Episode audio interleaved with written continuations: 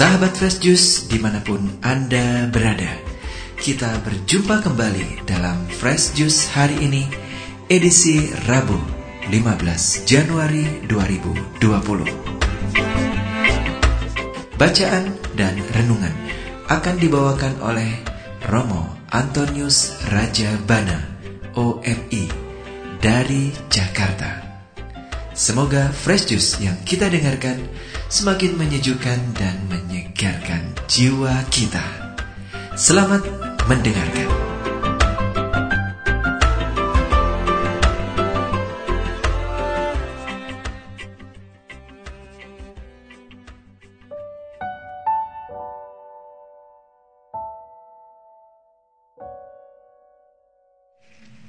Para sahabat Fresh yang terkasih, pada hari ini Rabu 15 Januari 2020 Hari Rabu Pekan Biasa pertama Gereja mengajak kita untuk merenungkan Sabda Tuhan yang diambil dari Injil Markus bab 1 ayat 29 sampai dengan 39 Bersama saya Romo Antonius Rajabana OMI Marilah kita mendengarkan Injil Tuhan.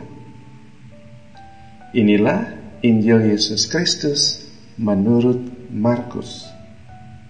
Dimuliakanlah Tuhan.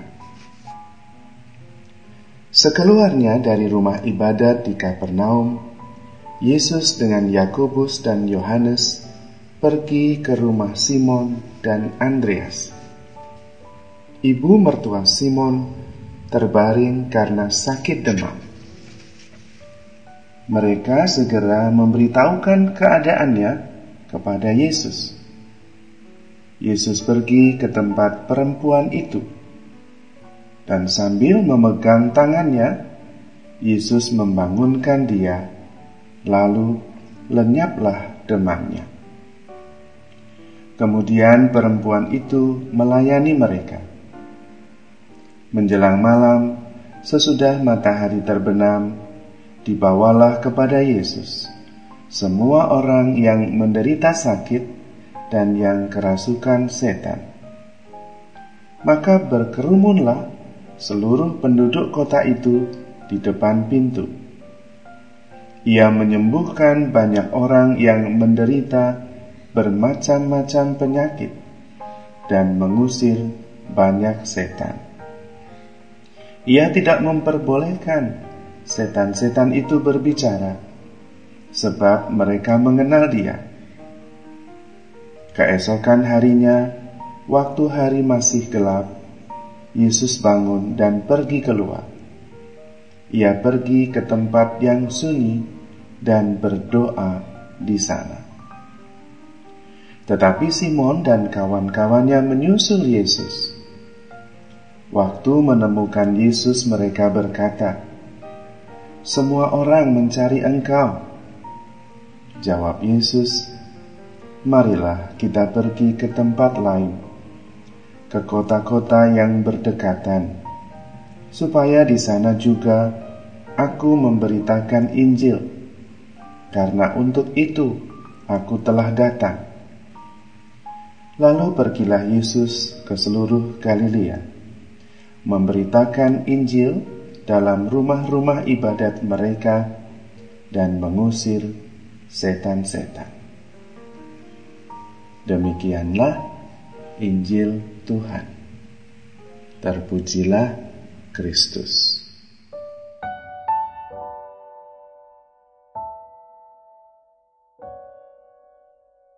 Para sahabat Kristus yang terkasih, Injil hari ini mengajak kita semua untuk melihat bahwa Yesus menyembuhkan berbagai penyakit dan mengusir setan-setan.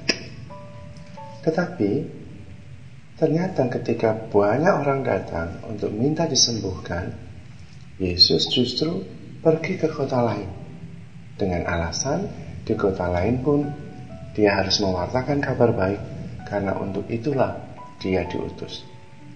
Mengapa? Seperti ada kontradiksi. Dia peduli, dia menyembuhkan, dia mengusir setan. Tetapi ketika banyak orang minta disembuhkan, dia justru pindah ke kota lain. Seolah-olah menyembuhkan itu bukan tujuan. Dan memang benar, para sahabat Kristus yang terkasih. Kalau Yesus menyembuhkan, Yesus mengusir setan, itu pertama-tama bukan berarti bahwa itulah tujuan Yesus datang yaitu sebagai penyembuh. Bukan. Tetapi kalau Yesus datang, Yesus menyembuhkan, Yesus mengusir setan, tujuannya hanya satu, yaitu supaya semua orang percaya kepada Dia. Jadi bukan masalah penyembuhan pertama-tama, bukan masalah pengusiran setan, tetapi masalah percaya kepada Yesus. Semua yang dilakukan Yesus mengajak orang untuk mempercayakan hidupnya kepadanya. Itu lebih besar, itu lebih dalam, itu lebih penting daripada sekedar sembuh dari penyakit, daripada sekedar terusir segala gangguan setan. Artinya apa? Artinya kita percaya kepada Yesus itu adalah percaya kepada seorang pribadi bukan percaya pada rumusan iman. Dan ini mengandaikan relasi pribadi. Relasi pribadi yang baik dengan Tuhan Yesus, lalu kita bisa mempercayakan diri kepadanya, itulah yang pokok, itulah yang penting. Kalau kita punya relasi pribadi yang bagus dengan Tuhan Yesus, maka kita bisa menghadapi apa pun juga dalam hidup kita kita mengalami kesulitan, kita percaya kepada Tuhan Yesus bahwa kesulitan itu bisa kita atasi bersama Dia. Kita sakit, kita mampu menghadapinya dengan sabar karena kita menghadapinya bersama Tuhan yang mampu menyembuhkan berbagai penyakit. Relasi kita pada Tuhan itulah yang memberi kita kekuatan. Maka membangun kepercayaan kepada Tuhan Yesus. Itu yang paling utama. Berdasarkan relasi kita yang mendalam dengan Tuhan itulah kita bisa menghadapi kehidupan kita dengan penuh pengharapan, dengan penuh iman, dan dengan demikian lebih damai. Maka kita mesti belajar dari Tuhan Yesus sendiri, mempercayakan diri kepada Tuhan Yesus. Bagaimana Tuhan Yesus membangun relasi itu? Dari mana Tuhan Yesus mendapatkan kekuatan itu? Dari relasinya dengan Bapa. Kita perhatikan bahwa sesudah dia menyembuhkan banyak orang, mengusir setan, dia pergi ke tempat sunyi untuk berdoa. Di situlah kekuatan Tuhan. Tuhan memperoleh kekuatan dengan membangun relasi yang intens, relasi yang bagus dengan Bapaknya, melalui doa.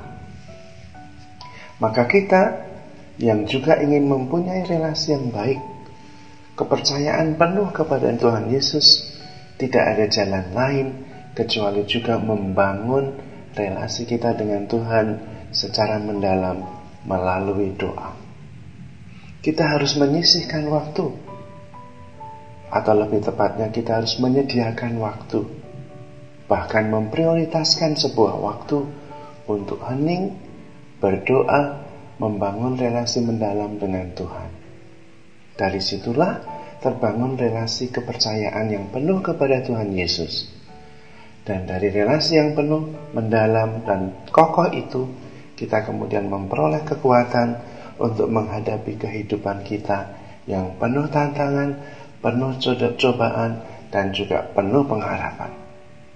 Dengan cara itu, apa yang dicita-citakan Tuhan, yaitu bahwa semua orang menerima kabar gembira tercapai. Setiap orang menerima kabar gembira kalau hidupnya terhubung secara mendalam dengan Tuhan. Sehingga mereka, kita semua tidak sendirian. Tuhan menyertai kita di dalam perjalanan hidup kita sehari-hari. Dalam suka kita bisa bergembira bersama Tuhan. Dalam duka, kita menjalaninya dengan penuh pengharapan dan iman bersama Tuhan juga. Maka mari kita berjuang supaya kita mempunyai kepercayaan penuh kepada Tuhan. Kita berjuang membangun komunikasi mendalam melalui doa saat hening atau apa pun juga namanya.